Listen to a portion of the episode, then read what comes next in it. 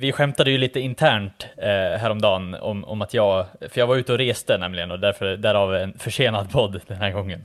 Men eh, jag var ju ute och reste och flög och då skämtade jag mycket om att så här, ja men fan, eh, när Leppistö blev klar för Luleå till exempel så skämtade jag om att jag såg han på planet och jag såg att han var på väg liksom. Ja, du var ju i Luleå, kanske till det Ja, jo, precis. Ja. Eh, och, och då skämtade jag lite om att ja, men jag såg Leppistö och sen var Pääjärvi klar för Malmö så, så skämtade jag väl om att ja, men jag såg han på, på flygplatsen. Men det var ju inte, någon av dem var inte sant, det var ju liksom bara, bara skämt. Ja. Men sen när man står där och, och, och väntar på, på taxikön som det då blev på Arlanda så, så hör man liksom Ja men lite av en bekant röst, ganska väl bekant röst. Som man säger, jag behövde inte ens kolla för att veta att ah, det där är någon jag känner igen liksom. Mm. Eh, och inte någon som är, står mig nära över, överhuvudtaget liksom. Men så, så, här, så hör man liksom så här, någon stå bakom en och beklaga sig över den här långa taxikön som blir för att det är för mycket folk och för lite taxibilar. Jag vet inte om jag ska, ska försöka mig på någon form av imitation här. Men det är liksom så här, ska jag dra av den här på rejäl liksom så här. Men han, han står ju här och beklagar då, då över att det är för lite taxibilar som kommer och det finns liksom inte nog med taxibilar för det här. Och ja, på en väldigt mm. dålig imitation. Men skulle du kunna gissa vem det är som står bakom mig då? Nej. Nej. Så dåligt. Någon stockholmare. Okay. Riktigt dålig imitation. Men då, så när jag vänder mig om så står Håkan Södergren, Håkaj, bakom mig. Ja, ja, ja, ja, Och står det borde och, jag satt på den imitationen såklart. Och, och riktigt så här vad fan, jag behövde inte ens vända mig om för att fatta att det där är fan Håkan Södergren som står bakom mig och beklagar sig över den här taxilinjen på Arlanda. och det var så här, ja ah, fan. Det var lite kul ändå att så här, jag satt och skämtade om alla de här profilerna som så här, jag såg dem på flygplanet. så träffade jag Håkan Södergren liksom, bak, precis bakom mig. Så, ja, det var, det var den storyn. Sa du någonting tillbaka på grovt dalmål då eller? Men kan vi inte bara innan vi då drar igång introt, kan vi inte bara prata om fenomenet Hawkeye? Vad var det egentligen? Det var, det var Håkan Södergren som stod längst upp i taket i en ja, hockeyarena och tittade på, på spelet. Ja, det är helt magiskt det. Men, men, är, det... men är det ens en bra position som expert? Att liksom knappt se isen från där man står? Uh, men han har väl koll på lite små, alltså mer detaljer i spelet och det kan jag väl tänka mig att det är bra liksom. Hur ja, ja. lagen uh, för sig på isen. Men, uh, ja. Också, också den enda människa som lyckas fastna på min tjejs eh, så här, internminne liksom inom hockey. Hon, den enda hon vet om vad, vad han heter är Hawkeye också. Vilket är fascinerande i sig. Ja, det är det verkligen. Alltså så här, ja, nu kan hon ju någon spelare, men alltså så här, som ja. just kommentator. Hon kan ju inga andra, utom just Hawkeye. Så att han har ju någonstans lyckats kan jag tycka. det är det som är så otroligt.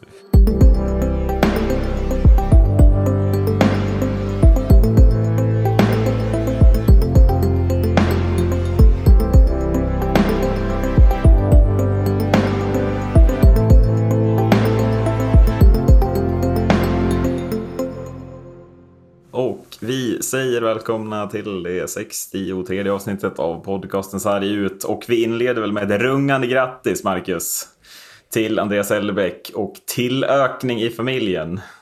Grattis Tackar. Alla. Grattis. Tackar. Jävligt eh, stort.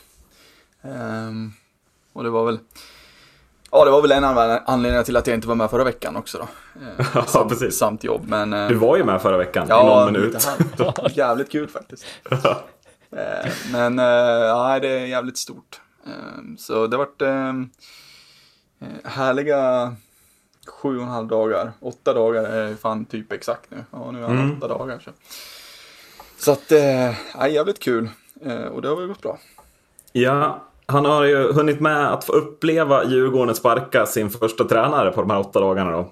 Mm, man ska härda sig in i den jävla Ja, jag menar det. Efter en usel säsongstart får vi väl säga så blev Barry Smith första tränare att få lämna sin post den här säsongen i SHL. Spontana tankar? Eh, spontana tankar är att eh som jag ändå hade en eh, feeling av att vi spelade bättre och bättre eh, ju, längre, ju längre det gick. Men eh, sen är ju hockey och sport eh, överlag en eh, väldigt eh, resultatbaserade, liksom, ska man säga, det är resultatbaserat i, i hockeyvärlden. Eh, och då, då måste man vinna. Och det gör man inte. jävligt stark match mot Örebro tycker jag. Och med lite självförtroende eh, så tar man alla tre poängen där. Eh, då står man emot Örebro eh, och släpper inte in 3-3 med åtta minuter kvar. Så att det är lite blandade känslor. Men, men det ska bli jävligt kul att se vad, vad, vad Falk och, och Micke Aro kan göra tillsammans ikväll redan. Mm. Macke, spontant? Ja, var, vi var väl lite inne på det där, att det var väldigt viktigt som ny tränare, speciellt för en klubb som Djurgården, att få en bra start. Eh, och, och, det, alltså så här, jag, jag hade ju säkert kunnat se mig att Barry Smith hade kunnat vänt till det positiva över tid, men det tar lite för lång tid. Eh, det är väl det som är problemet. Det kändes som att han ville väldigt mycket, eh, men han fick aldrig riktigt ut det han ville och jag tror att det både det, det är nog lite alltihop i kombination att både spelare och Barry Smith inte får det fungera eh, och då blir det ju så. Tyvärr så är ju tränaren en av de mest utsatta positionerna i och med att den, han sitter ganska, ganska ensam i den typen av båt innan man börjar sparka liksom hela, alltså man kan inte börja sparka spelare på det sättet heller. Eh, kan kan man väl, men det känns som att Barry Smith ändå inte hade så pass lång tid i Djurgården för att sitta säkert på den positionen. Så att... Nej, men det jag tänker är också lite att så här, eh, lite av kritiken är väl lite att, att alltså spetsspelarna inte riktigt har producerat så mycket som de hade behövt göra är väl lite min eh, feeling. Spelare som ja, men Videll och liknande måste ju vara bättre tänker jag än vad de är i, i de här inledande matcherna. Mm. Men jag är väl också lite inne på, som du hade, att hade, han har väl lite oflyt Berg Smith också. Att efter en bra match mot Örebro och en seger mot Timrå så får han de här skadorna kastade i ansiktet. Som innebär nya förluster mot, vad är det, Oskarshamn hemma och sen en match till va? Eh, ja. Ja, men eh, alla vet att Djurgården har förlorat en match till. Och det är väl lite där att så här, precis när det börjar vända och spetsspelarna börjar komma igång lite, då får man skadorna och Peter Holland är fortfarande avstängd och då blir det liksom, då går han över gränsen att det inte går längre riktigt. Mm. mm. Ja, det var väl eh, vad, vad, de säger i alla fall, vad Barry säger så är det ju ett, ett gemensamt beslut och det var, det var hans liksom beslut att kliva av för att han ville eh, få till en nytändning i laget. Um, och det, det stöttar man ju. Eh, det gör man och jag tycker att det är eh, jävligt eh, jag tyckte det var jävligt härligt att se första intervjun med han och Jocke Eriksson. Ehm, där Barry verkligen är inne på att vi försökte, det gick inte. Ehm, och han lägger väldigt mycket skuld på sig själv men även på spelarna.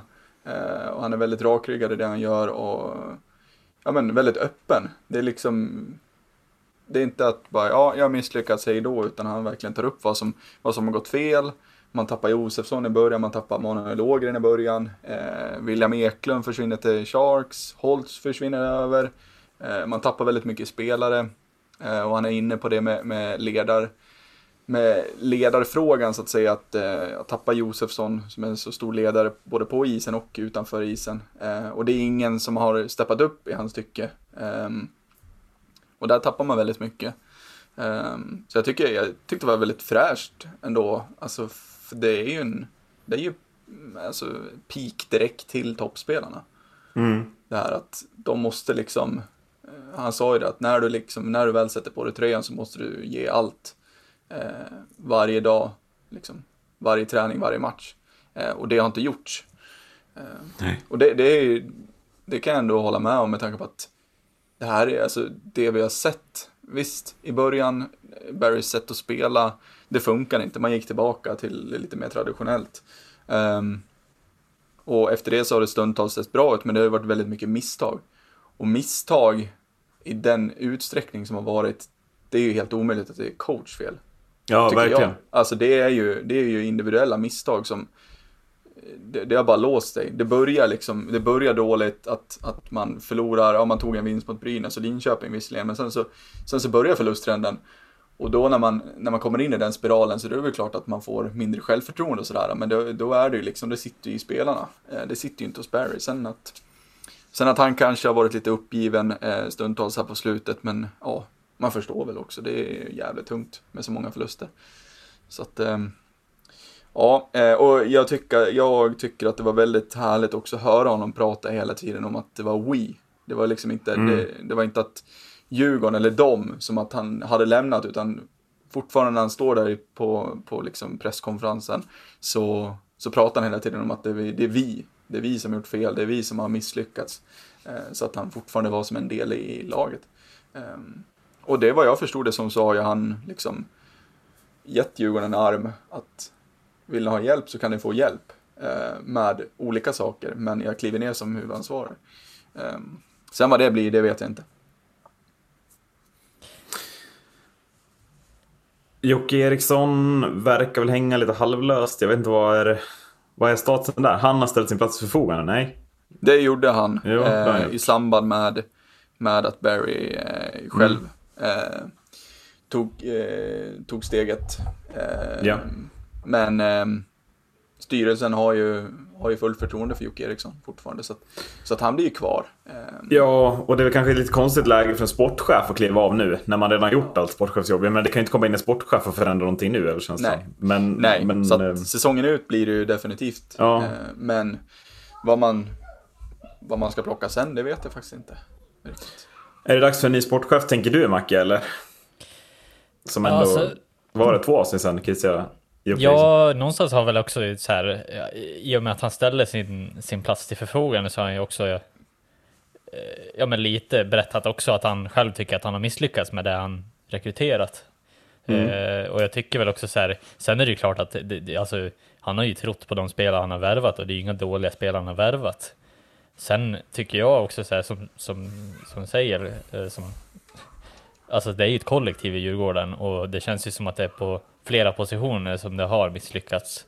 Och det, det är ju inte bara Erikssons ansvar eller Barrys ansvar utan det är ju även spelarnas Ja, ansvar. verkligen. Jag tycker att det är jättekonstigt att inte spelare, individuella spelare, fler än typ Videll, eh, åker fortare än, än vad, alltså så här, vad de har bevisat. Det känns som att det fortfarande är det här, jag menar, jag, jag såg ju lite av förra matchen när man tar in två gallerkillar och de håller alltså dubbla tempot av vad resten av Djurgården håller. Vilket jag tycker är jävligt märkligt. Alltså så här, det ska ju inte behöva vara så att man ska plocka upp spelare från juniorledet för att få in tempot. Och det var ju det som var syftet med det. Det tycker jag, det, det känns ju nästan till alltså pinsamt att inte toppspelarna är bättre än vad de är. Eller de spelarna som är i Djurgården också. Jo, det finns nej, ju men, undantag, och, och, men Och Rakhshani och Marcus Sörensen är väl de två som, som jag tycker fortfarande de är de, de två största affischnamnen för det här fiaskot hittills. Det är de som behöver producera kontinuerligt och inte vara inne på fler mål bakåt än vad de är framåt. Det är väl det som jag ser som, som ett stort problem för Djurgården också. Att inte, inte bara är spetsspelarna går det halvtrögt framåt utan bakåt så läcker det när de är inne också. Och det Man glömmer, ju, man glömmer ju lätt att, att Sörensen har, alltså le- leder, leder poängligan internt. Ja. Det gör man ju, men alltså det, det är just sättet, alltså han ska ju vara där, men det har ju sett alldeles för dåligt ut och han ska ju definitivt göra mycket mer än vad han, har gjort hittills. Ja, men alltså, jag tycker Sörensen känns liksom lite tagen av det. Av stundens allvarligt. Alltså, så jag har inte sett några hela matcher med Djurgården. Men, men jag såg ju den matchen mot Leksand där. Och det är ju de gångerna Sörensen väl tramp, trampar i. Liksom, det är väl en 6-7 gånger den matchen. Två gånger per period ungefär. Då är det ju en, ett helt annat tempo, en helt annan rörelse. Och backarna hänger ju inte med honom överhuvudtaget. Eh, Jag satt och sa det i soffan då, och det har jag sagt det säkert också. Men det är ett under att han inte får med sig en två, tre utvisningar på de gångerna han sätter fart. Men just att han, att han inte kan sätta den farten varje gång han är inne, eller åtminstone varannan gång han är inne, tycker jag är det som absolut får mig att... här, Men vad är det som händer? Vad är det som gör att, att de här spetsspelarna inte... Alltså att det inte blir någon kontinuerlig liksom... Trycka på knappen, alltså att de inte kan vara bra hela matcher. Liksom. Ja. Jag vet inte vad det är. vad det är eh, och förhoppningsvis vad som har varit. Mm. nu måste det liksom just, just den här intensiteten. Nu, Macke, som du var inne på med, med Gallerkillarna som kommer in. Jag menar idag, Noah Östlund är liksom tredje center. Det talar också väldigt mycket för eh, ett sjukt skade, eh, skadehelvete liksom, ja. som, vi, som vi sitter i just nu. Eh, och Greg, Greg Nairn är inte med idag. Eh, gick av träningen i, igår. Eh, ja, det är tunt. Det är jävligt tunt just nu. Ja, det, för, det för, liksom förbättrar ju inte grejerna heller. Nej. Att liksom var, varenda tänkt toppspelare är ju fan skadad. Det är ju helt ja. sjukt. Ja, men då, det är ju då också så här. Eh, Sörensen, Rakhshani. De måste liksom, nu måste det upp. Speciellt liksom. Speciellt nu när, när det är så många borta liksom. Widell mm. borta, Strandberg borta, Högström borta. Alltså det är, och Holland avstängd fortfarande. Det, det är fruktansvärt många borta och eh, ja, det, nu, nu måste det hända någonting. Niklas Falk och Mikael Aro tar över assisterande tränare. Eh, du tror på Falk, Macke, eller? Ja, alltså det lät ju som att Djurgården inte var ute och letade efter någon ny tränare heller. Eh, så det, det, visar väl lite på att Eriksson kanske har trott på att Falk ska bli den arvtagare som skulle vara efter Barry, antar jag kanske. Ja. Eh, jag vet inte hur jag, jag ser ju mer som Barry, att Barry var som ett så här, en segway över till att ja, men Falk kanske tar över efter ett år eller två. Mm. Eh, att han får stå bakom Barry, lära sig Eh, det han kan och så vidare. Eh, jag tror att det var lite tanken bakom den värvningen, att man gör en sån rutinerad värvning på en gång. Eh, men samtidigt, jag, jag, tycker ändå att Falk bör kunna göra någonting mycket, mycket bättre än vad som har visats hittills i Djurgården. Jag tror också att en som brinner för Djurgården generellt sett bara kan, kan inge liksom sin form av liksom ja men Djurgårdens hjärta tillbaks in i, i de här toppspelarna och kanske visa lite vägen att fan nu är det dags att börja göra någonting annars är det tack och godnatt liksom.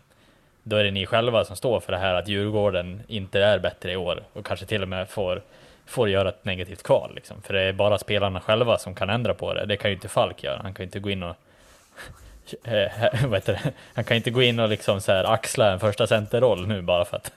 Det hade varit jävligt fint att se dock. ja, det, det, han kanske hade platsat väl... i den där centersidan.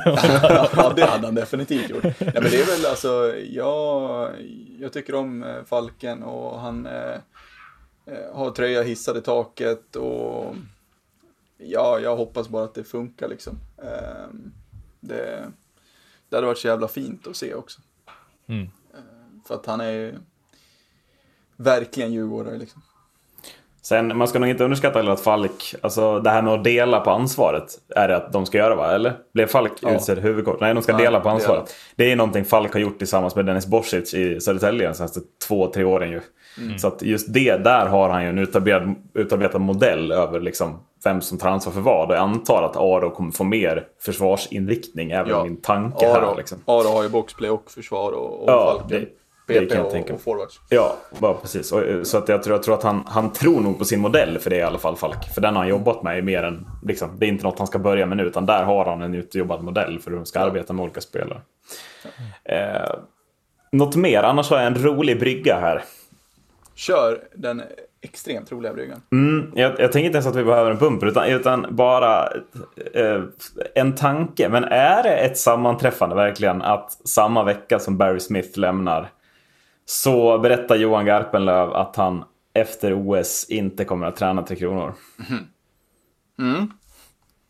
Bara, ja, jag bara skickar skönt, ut den tanken här att eh, finns det någon, något mer bakomliggande här? Att Garpenlöv är lite sugen på Djurgården kanske? Ja, ja eftersom vad man har sett i landslaget och han som förbundskapten så säger jag tack men nej tack. ja, precis. eh, men det är väl klart att, jag menar det är Det är ju inte osannolikt Gar känner jag. Nej, och Garpenlöv är ju Djurgårdare. Alltså, så här, ja, ja, visst. Han har ju stort hjärta så att det är klart det inte är osannolikt. Jag menar vad, vad, vad, ska han, vad ska han göra? I så fall undrar jag. Alltså... Ja, för att mycket handlar väl om vad vi uträttar i det här OSet, antar jag. Mm. Men känslan är väl inte att Garpenlöv åker och tar ett NHL-lag? Nej. Tycker inte jag. Jag vet inte vad ni tänker där. Nej. Nej. Ja, det hade varit kul att se typ eh, kanske, även fast du eh, inte hade tyckt det var kul Erik, men det hade varit kul att se Grönborg till exempel kanske. Eh, Men också Sam Hallam ta ett NHL-lag, men Garpenlöv känns ju inte riktigt. Eh, Nej, Mm, det gör jag verkligen inte. Nej, men Grönborg hade jag också. Alltså, så, jag, jag tycker ju... Jag är bara anti hans sätt att coacha Grönborg. Eh, men det är, ju- det är ju liksom... Han är väl fortfarande en bra coach. Att han går väl inte att säga vad jag än vill få ut liksom.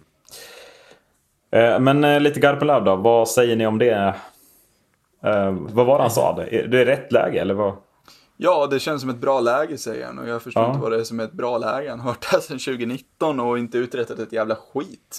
Nej. Ehm, så jag Då vet inte. känns det ju som att det är någonting bakomliggande. Det, det känns ju, alltså så här, visst om Ja. man hade varit fem års tid i, i, i Tre Kronor liksom och vunnit två VM-guld och sen känna att fan nu är jag nöjd. Men nu har man ju så här, han har spelat en halvmedioker VM-turnering och han har ju inte... ju inte- Halvmedioker, nu var du snäll.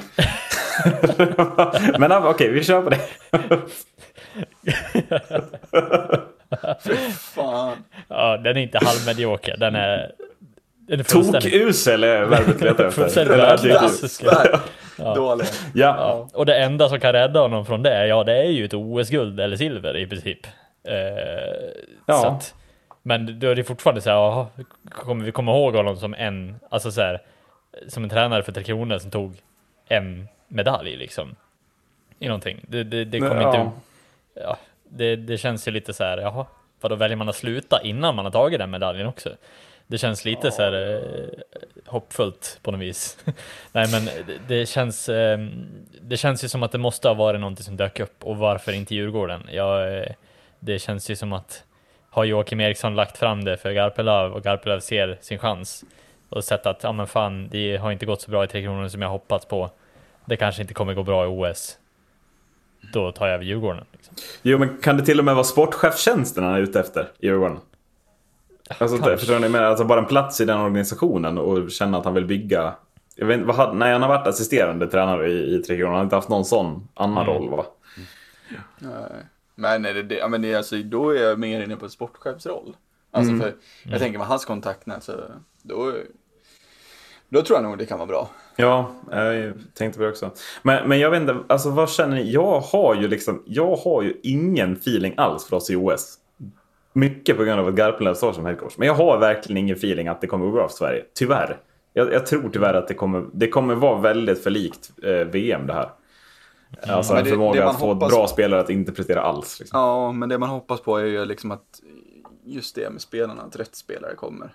Alltså Mm. blir uttagna. För att, alltså, det, det finns så mycket, det, jag kan tänka mig att det blir så här att man, man plockar lite de som har varit med förr. Ja. Alltså, lite så. Jag tycker att det finns så extremt många eh, bra spelare där ute som, som verkligen skulle förtjänat en plats eh, istället för lite trötta spelare som förmodligen kommer, komma, kommer att komma med. Ehm, och det är väl det man har liksom farhågor för att det kommer, kommer ske. Eh, att de ska vara med. Liksom. Var det inte... Göra sitt sista OS. Jag vet inte. Mm. Ja. Var det inte lite så här VM-spelarna som var med också var väl lite så här be, alltså det är sådana spelare som är beroende av att det går bra från början, annars blir de helt liksom, de hamnar i skymundan. Alltså att Rakell har ju inte sett jättebra ut i NHL heller nu. Nej, Eh. nej jag, alltså, absolut. Jag, jag, alltså, jag säger ingenting. Jag tyckte inte Sverige hade lag för att vinna VM-guld kanske. Eh, så. Men, men när vi satt här och pratade upp hockey-VM så pratade vi om Kanada ser katastrofala ut, USA ser katastrofala ut, Finland har inte så jävla många NHL-spelare med, Ryssland ser hur bra ut som helst och vi trodde Tjeckien skulle skrälla. Eh, det blev ju lite liksom att Sverige hade ju ändå fått lite spelare från, från NHL med och att det borde ha Ja, Ja, det, jag tycker ingenting försvarar hur spelet såg ut. Det är bara en coach, eh, alltså tycker jag. Sättet som spelare försvann och inte hittade in i ett spelsystem tycker jag fortfarande är Ja. coach. Och, om man tittar på, på Djurgården nu, att spelare inte klev fram, så det kanske inte är coachens fel. Men hur Sverige spelade i, i hockey-VM tycker jag är ett coachproblem, så jag bara sjunger om det. var, var den feeling jag fick i alla fall. Ja. Men, men riskerar det inte att bli totalflopp för Garpela? Att vi kommer minnas honom som liksom den sämsta förbundskaptenen någonsin här? Jo, det finns ju. Han, han låter allt falla på ett OS där Kanada kommer med liksom McDavid, Crosby, Ryssland kommer med Ovechkin och, och Kutjerov. USA kommer med Kane och Matthews. Alltså förlåt, men så, så hög topp har inte vi. Det har vi verkligen inte. Nej. Ja, vi vi Ja. lever ju mycket på bredden i så fall, men det är Ja, ju det gör vi. liksom... Ja, ska vi försvara oss till den här vinsten liksom? Det, det är lite så jag känner att det, i så fall att vi ska Ja. spela dödstråkig hockey. i Ja, men och typ- våra backar är ju bra, men de är ju ganska offensiva de flesta av dem. Ja. Alltså, Jo. Och de som är bra är ju offen, alltså så. ja, liksom. det är ju bara det är Hedman vi har som edge i vårt lag kontra de andra landslagen. Mm. Det är ingen som har en så bra back, tänker jag. Men, men att annars så ser det ju lite tunnare ut. Ja. Ja. Mm, fara och färda för Garpen. Ja. Ja, vi återkommer väl till det där. Ja, det lär vi väl göra. Vi lär väl ha en OS-uppsnack någon gång i februari, eller när det nu ska ske. Ja, Ja, det kommer att bli. Det. Tre och en halv timme långt. ja, men jag menar det. Ett långt avsnitt. När vi analyserar någon felrekrytering av... När Vi- Wingli kommer in igen. Ja, Ja, fy fan. Han, han kanske drar med han till Djurgården sen. Tänkte det? Platsar inte NHL. Så, här, Garpenlöv går till Djurgården, drar med sig Wingli och Adde, gråtfärdig liksom. Ja, men, men vi måste också eh, låta det gå ett tag. Men sen måste vi ha ett gemensamt bett, vi tre. Så här. Vilken absolut felspelare tar Garpenlöv ut? För känslan är att det kommer ju minst en i den här truppen. Bara, vad i helvete gör den här spelaren i den här truppen? Liksom? jag kan ju tänka mig att det, det, jag, jag, jag har en känsla att det kommer inte vara, det kommer bara vara en spelare, alltså enbart. Men det kommer vara liksom någon som har fruktansvärt dålig form och bara helt malplacerad i det där laget. Ja, men, ja, exakt. Det var det jag menade. Det skulle vara kul att vi, om vi kunde betta på vem det blir sen. Ja. Vill ni höra mitt första bett? Lias Andersson. Ja, det är, det är jättebra.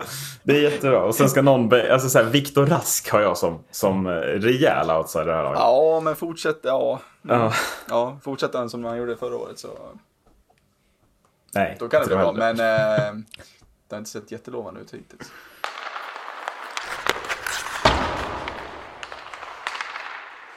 Veckans arga ut då. Jajamän. Eh, Det var min tur eh, igen.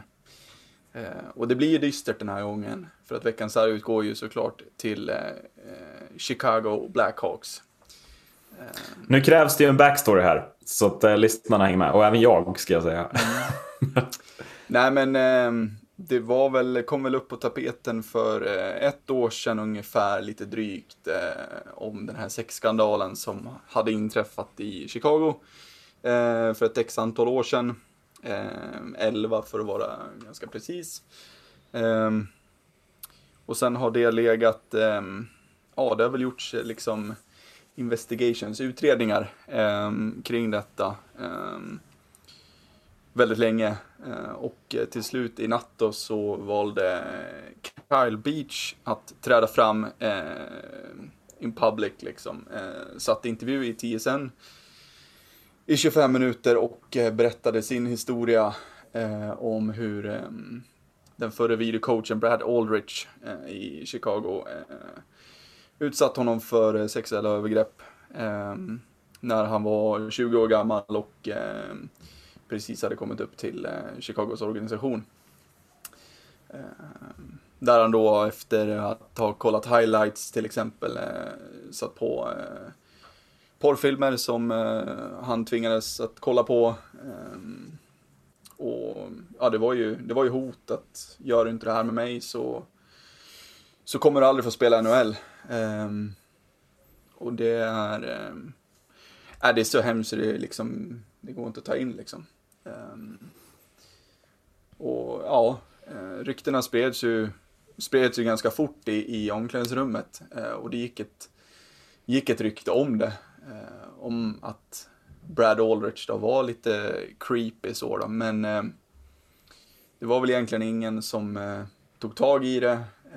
Till slut så valde offret själv då, Kyle Beach, att eh, berätta det här för en skills coach i Chicago, eh, Paul Vincent, eh, som tog det väldigt, väldigt bra. Eh, och berättade om det här, men då eh, general manager Stan Bowman och eh, den dåvarande coachen eh, Joel Quenwell eh, ja, valde att fokusera på Stanley Cup eh, som, som hägrade. Det här var ju i, i maj eh, 2010 och det var ju precis, precis runt där som Stanley Cup skulle avgöras. Eh, och då väljer man att eh, fokusera på, på ehm, ja, ringar och det som skiner. Ehm, Mm.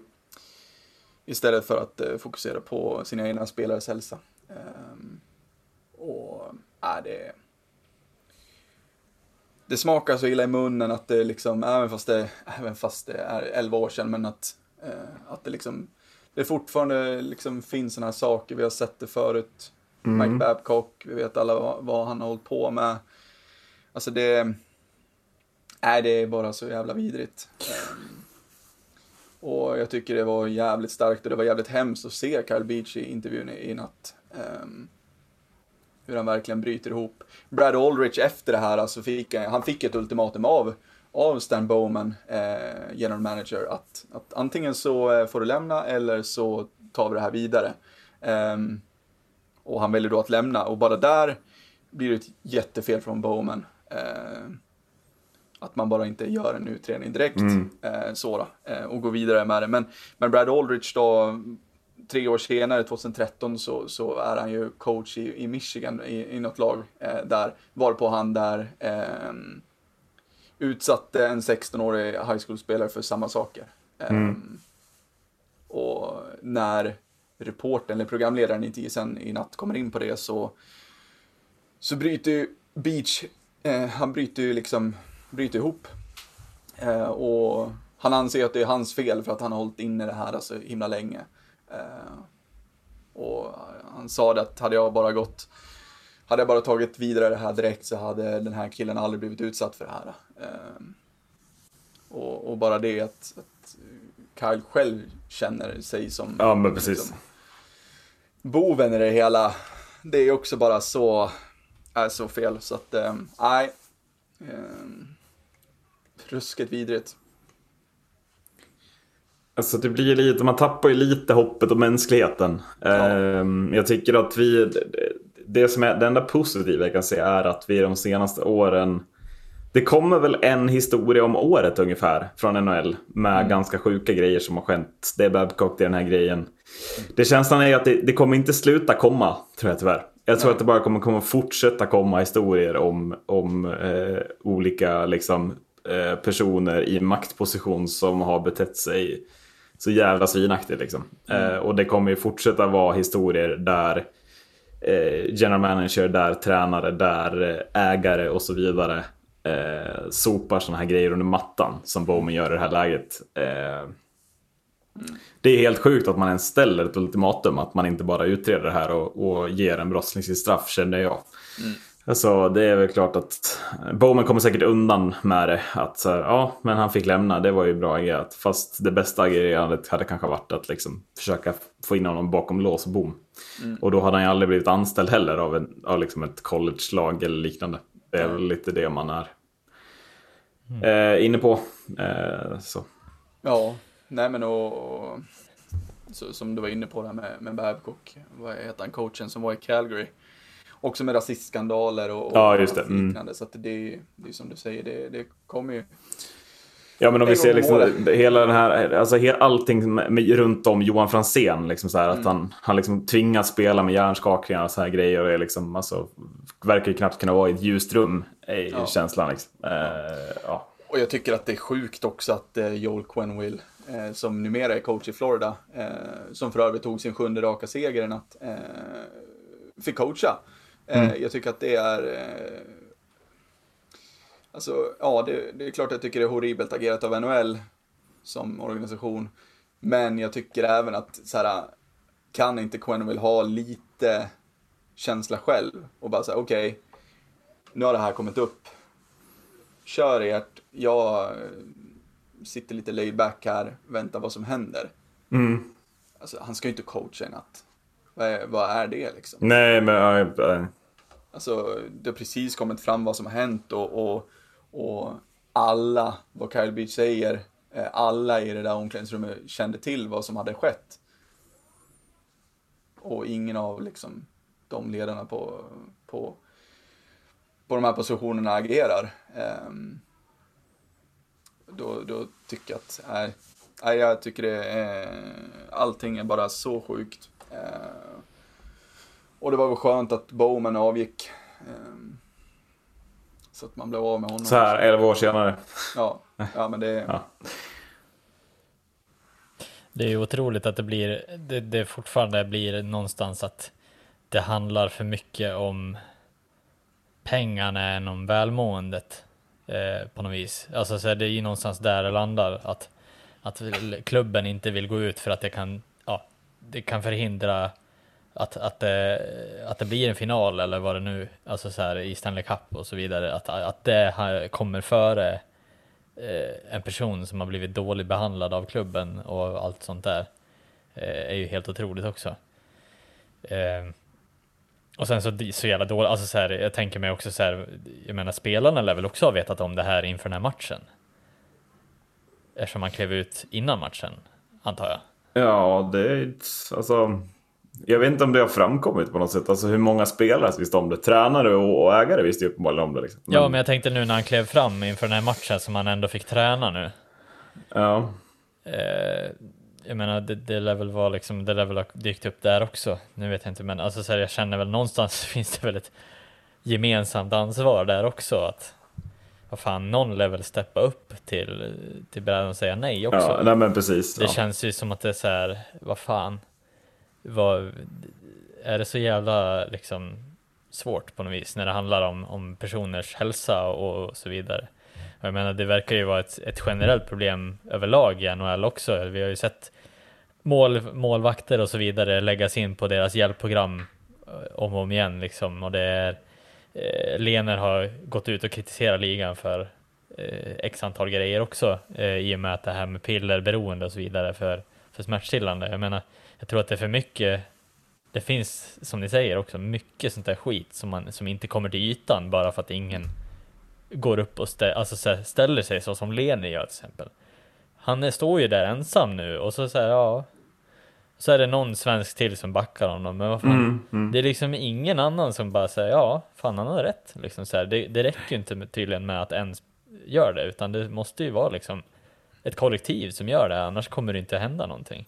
Och blir inte det i, liksom, i ett led av att, att det är för stora maktpositioner i NHL? Att det är liksom så här, ja nej men om du går ut med det här då skickar jag ner dig i farmarligan liksom. Ja men förmodligen. Och det är alltså så här, de, de, har chans, alltså de har så mycket makt att, att spolera någons dröm nästan. Att det är Mm. Att det blir lite obehagligt eh, vilken typ av makt de sitter på. Liksom. Ja, men det här eh, förstörde ju Beach hela karriär. Ja, så är det. Alltså vi kommer ihåg när han var ju på lån till, till HV. Um, Just det, det är han. Mm. Mm. Uh, och, men alltså det här spolierade han, hela hans karriär. Han blev draftad liksom elfte spelare overall i draften. Uh, och ja, sen liksom kommer det här direkt Liksom. Och då, då är hans karriär förstörd liksom. Mm. Um, så att, alltså, ja. Jag, jag, jag, jag tycker att det är så jävla vackert också att se att han, att han tar det här upp till ytan och bryter det här jävla dödläget med machokulturen. Alltså som är att så här, rent generellt också kan jag känna Eh, inte bara inom sportvärlden utan liksom rent generellt hur det är i samhället. Att, mm. att vi killar, vi gnäller aldrig. Vi Nej. gråter aldrig. Vi blir aldrig utsatta för någonting. Eh, lite sådana saker. Eh, och jag tycker det är väldigt vackert och, och, väldigt skönt att se han göra det. Att han vågar göra det. Eh, och bli mm. lite, lite frontfigur för det här. Um, att jo det är inte bara guld och gröna skogar att, eh, att spela hockey eh, i världens bästa hockeyliga. Eh, utan det är jävligt, det kan vara jävligt ibland också liksom.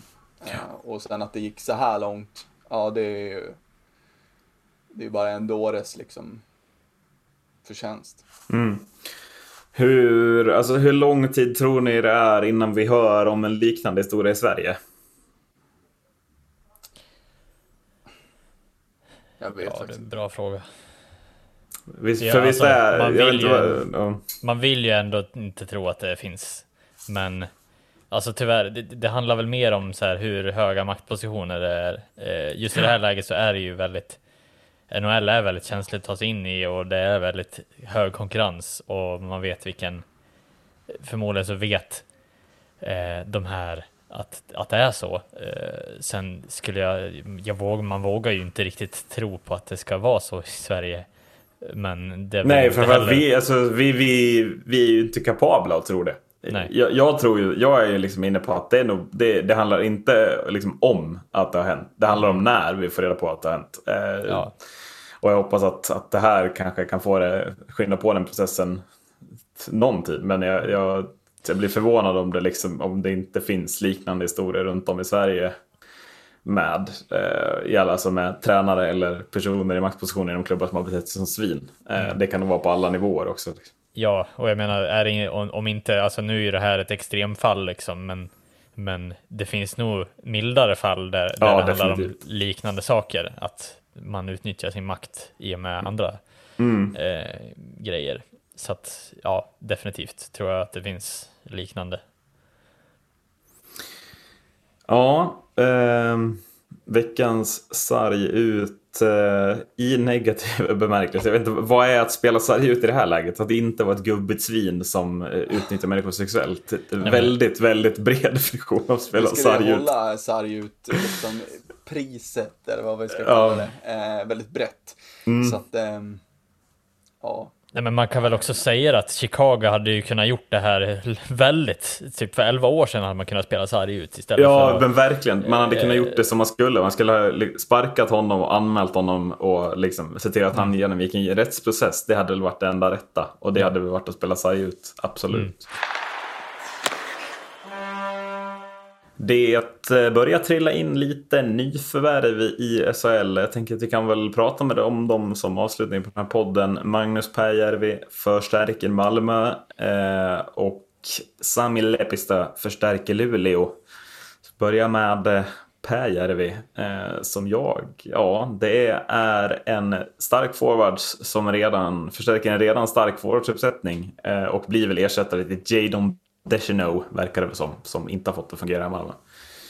Fagervall var, var hård mot DeShano. Jag tycker synd om Jadon Deschenaux, ja det vill jag Ja. verkligen säga. Eh, jag tyckte också att det var faktiskt väl eh, aggressivt som de gick ut mot honom. Sen tycker jag, jag förstår också att man hade högre kravbild på honom men, men mm, Men man, jag ska nog lugna sig lite. Ja. tycker det är konstigt att man kritiserar Deschanel så, så hårt som man gör. Jag tycker inte att han var så värdelös när jag sett honom i alla fall.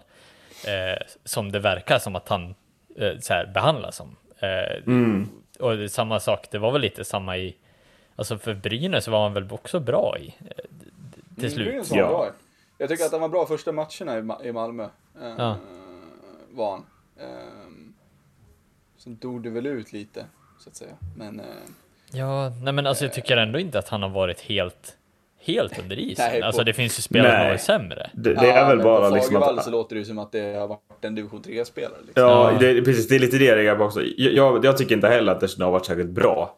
Men, men man, hade, man hade kunnat sagt liksom att ja, det är, det, han har inte riktigt kommit in i vårt sätt att spela. Eh, så vi tycker att det är bäst för båda parter att om han söker sig till en ny klubb. Då hade man Mm. öppet och ärligt att nej, man är inte nöjd men, men det är, Sättet är ju, ja, det där måste man vara bättre medietränare för. Än, än, jag menar, det Madhawk får reda på här är ju liksom, alltså det är ju ganska mycket information. Som jag vet inte om det behövde komma ut riktigt. Det känns ju som att det är personligt nästan. Alltså, Ja, det, det är väl någonting, någonting han stör sig det, på. är, det, är det första spelaren som får sparken totalt i... Eller har vi, har vi haft den Mm. tidigare i år? Eh, inte vad jag vet va? Är det någon som... Nej, och och det känns ju som att så här, fan, det finns väl större kriser i andra lag liksom, sen, än Malmö. Eh, tycker att det är väldigt konstigt att man sparkar Deschenaux så pass. Ja, man hade ju kunnat prova att bänka honom några matcher först. Alltså Ja. liksom så. Och, och se hur han reagerar på det. För att kvalitet finns det i Deschenaux, tycker jag utan tvekan. Liksom. Eh, men till Pääjärvi då. Alltså, Malmö bara kör dem. Jag tycker att det måste börja ställas högre krav på det här laget än vad de faktiskt presterar för tillfället. Mm. Ja, det, vi tyckte de såg ju väldigt starka ut ett tag eh, i början där. eh, Och, Första tre matcherna. Ja, och man ser ju, alltså, man ser ju tunga ut att möta ändå, men, men de, man lyckas inte få ut resultatet riktigt. Nej, det är fjärde minst poäng av samtliga lag, alltså om man bortser från de tre första omgångarna. Eh, och då är Brynäs, Djurgården och Timrå sämre. Eh, mm. Och det är lag jag inte håller högt hittills den här säsongen. Mm. Så att nog måste det hända någonting. Och då känns det ändå som att man har haft spelare som, alltså Carl Söderberg har ju ändå kommit till jobbet varje dag och, och gjort sitt. Känns ja. som, men det känns som att resten av, det, det är ändå bred Malmö-trupp. Eh, som ändå ser bra ut men som inte får ut resultat. Och det är väl lite det som, som saknas. Ja, nu har man ju spets. Ja. Förra året så hade jag kunnat köpa det här, men nu har Malmö spets. Nu är det Pääjärvi, nu är det Söderberg, nu är det Boma, nu är det mm. Bröderna Westerholm. Ja. Nu är bröderna Westerholm och Sylvegård, de är inte gubbe 1, 2, 3 längre. De är gubbe 4, 5 och 6. Då måste man börja ställa stora krav på det här. Fredrik Händemark har jag inte ens nämnt. Mm. Alltså, äh, jag, jag, jag tycker alltså Malmö till, till, till slutspel, allt annat hade jag som Malmö-supporter inte varit nöjd med i nuläget när, när man ser de här värvningarna. Ja men det är väl, det är väl fyra, framförallt fyra lag i den här tabellen som, som är fruktansvärt förvånande att de inte är bättre. Och det är väl Malmö, Örebro, Färjestad och Luleå som är eh, de absolut största frågetecknen i det här. Alltså, jag menar de lagen under, ja visst att man kan ifrågasätta, men de här lagen är ju, alltså vad vi tippat dem, väldigt högt. Alltså, ja, Örebro och Luleå är ju onekligen, eh, ja. tycker jag.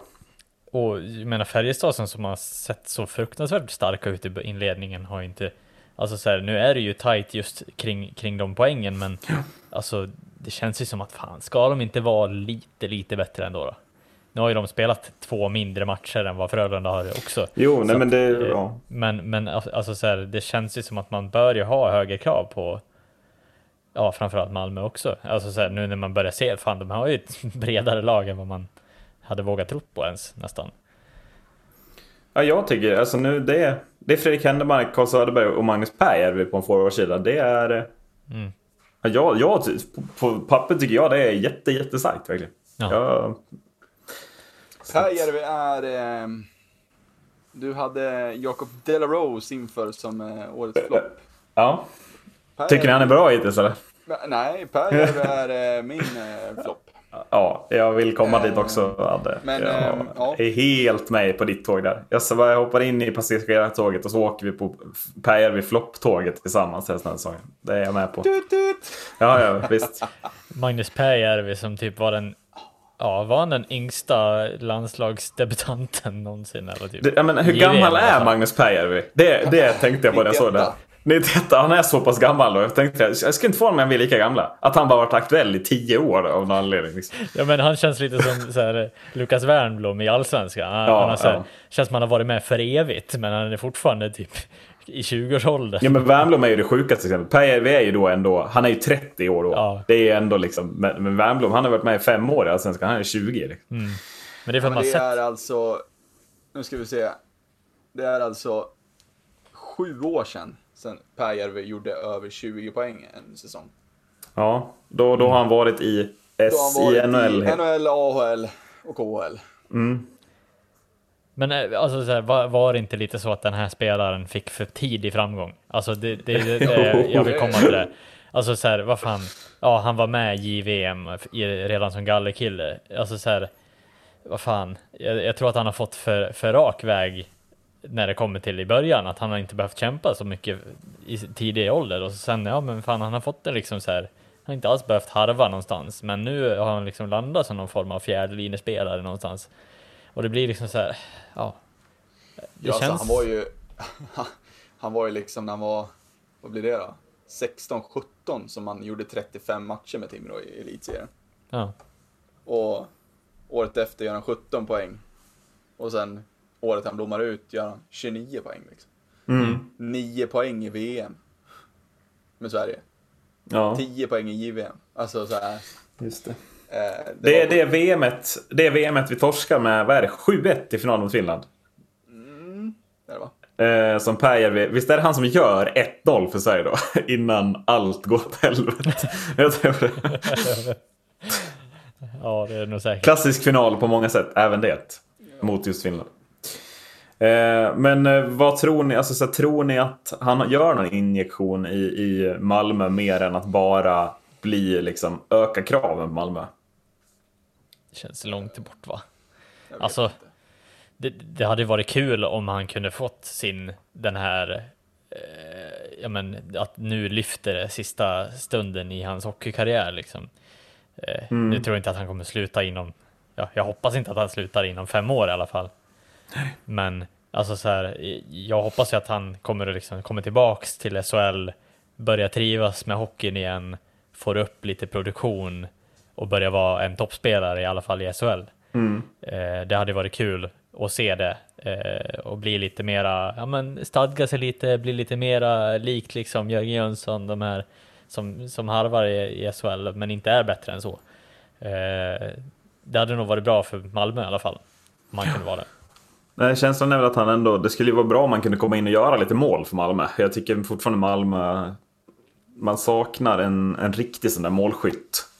Det är ju Lill, eller ena Västerholmen och så Lillebror Sylvegård. Men de är inte, alltså, de är inte tillräckligt bra liksom. Alltså de är bra, men man skulle behöva en sån... Ja, men som man vet får sån jädra liksom...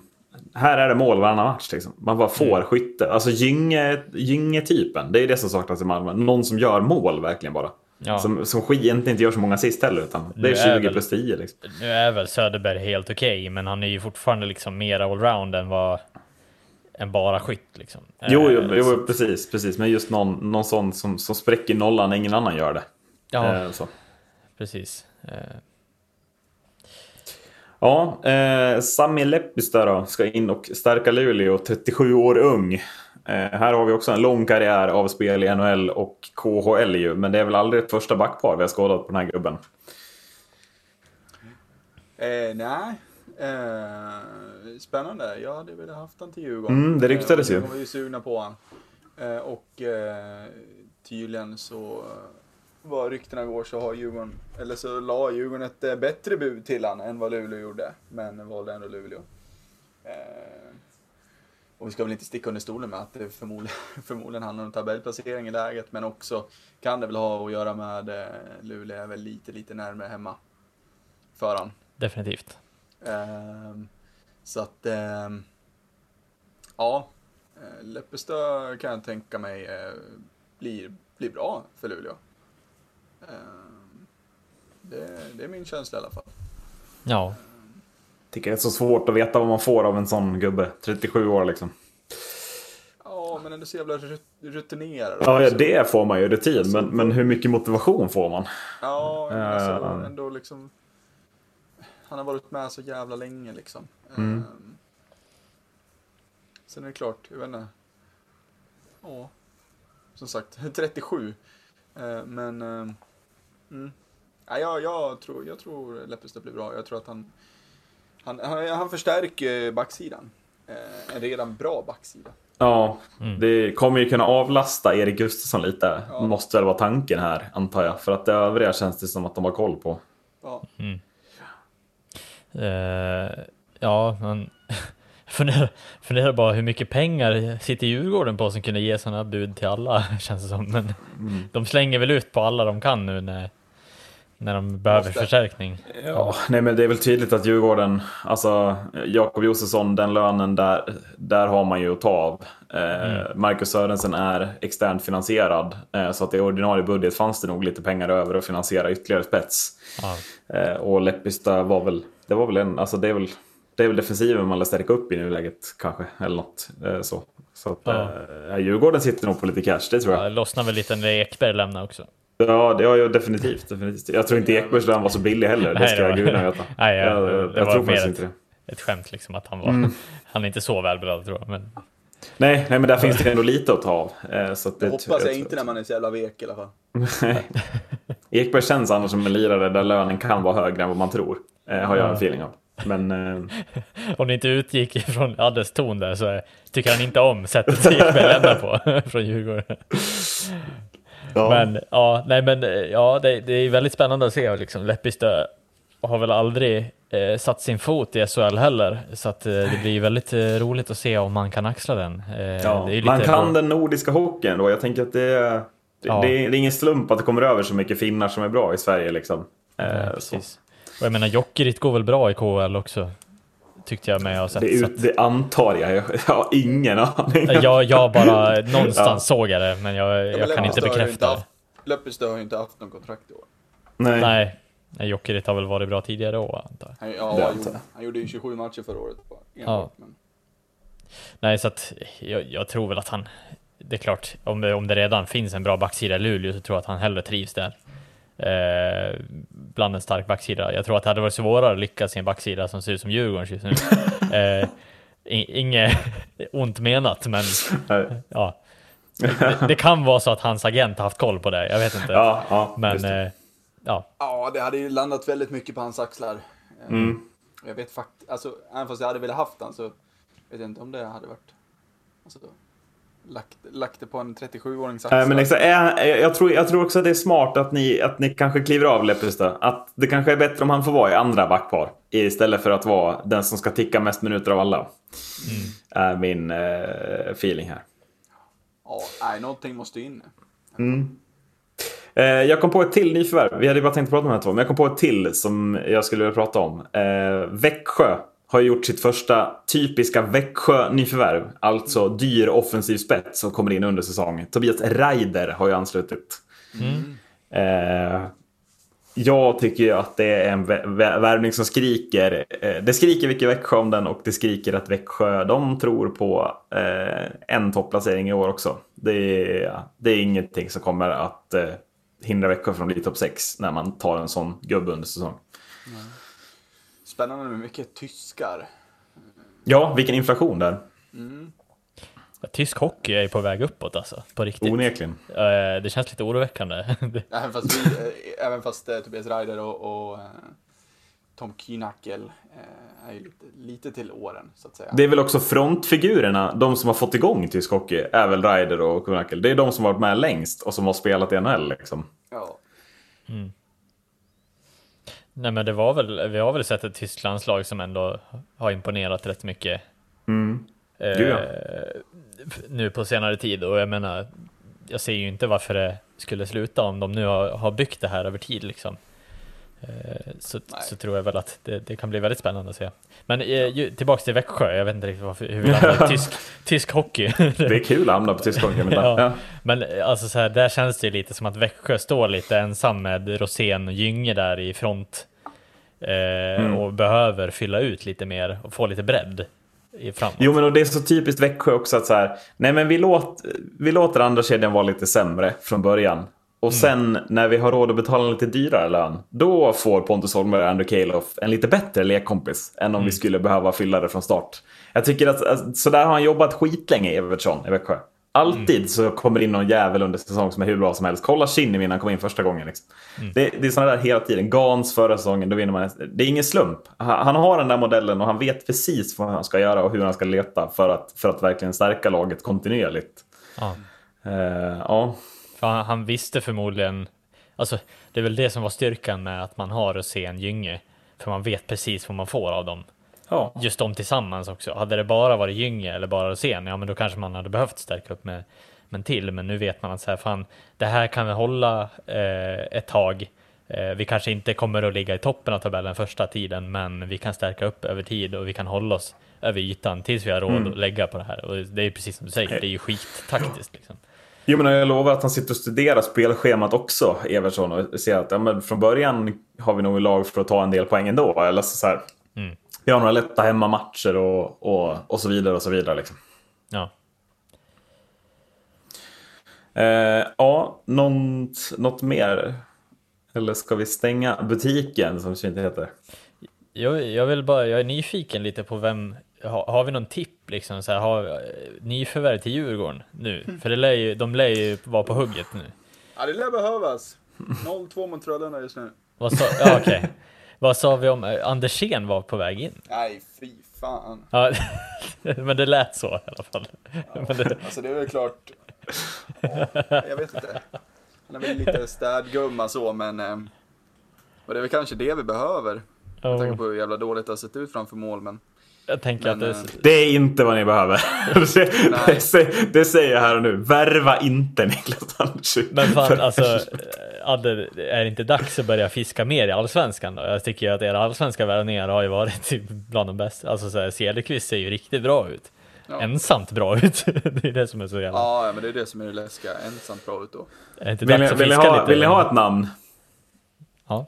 Jadon DeShano. Ja, ja, jag satt och tänkte på honom.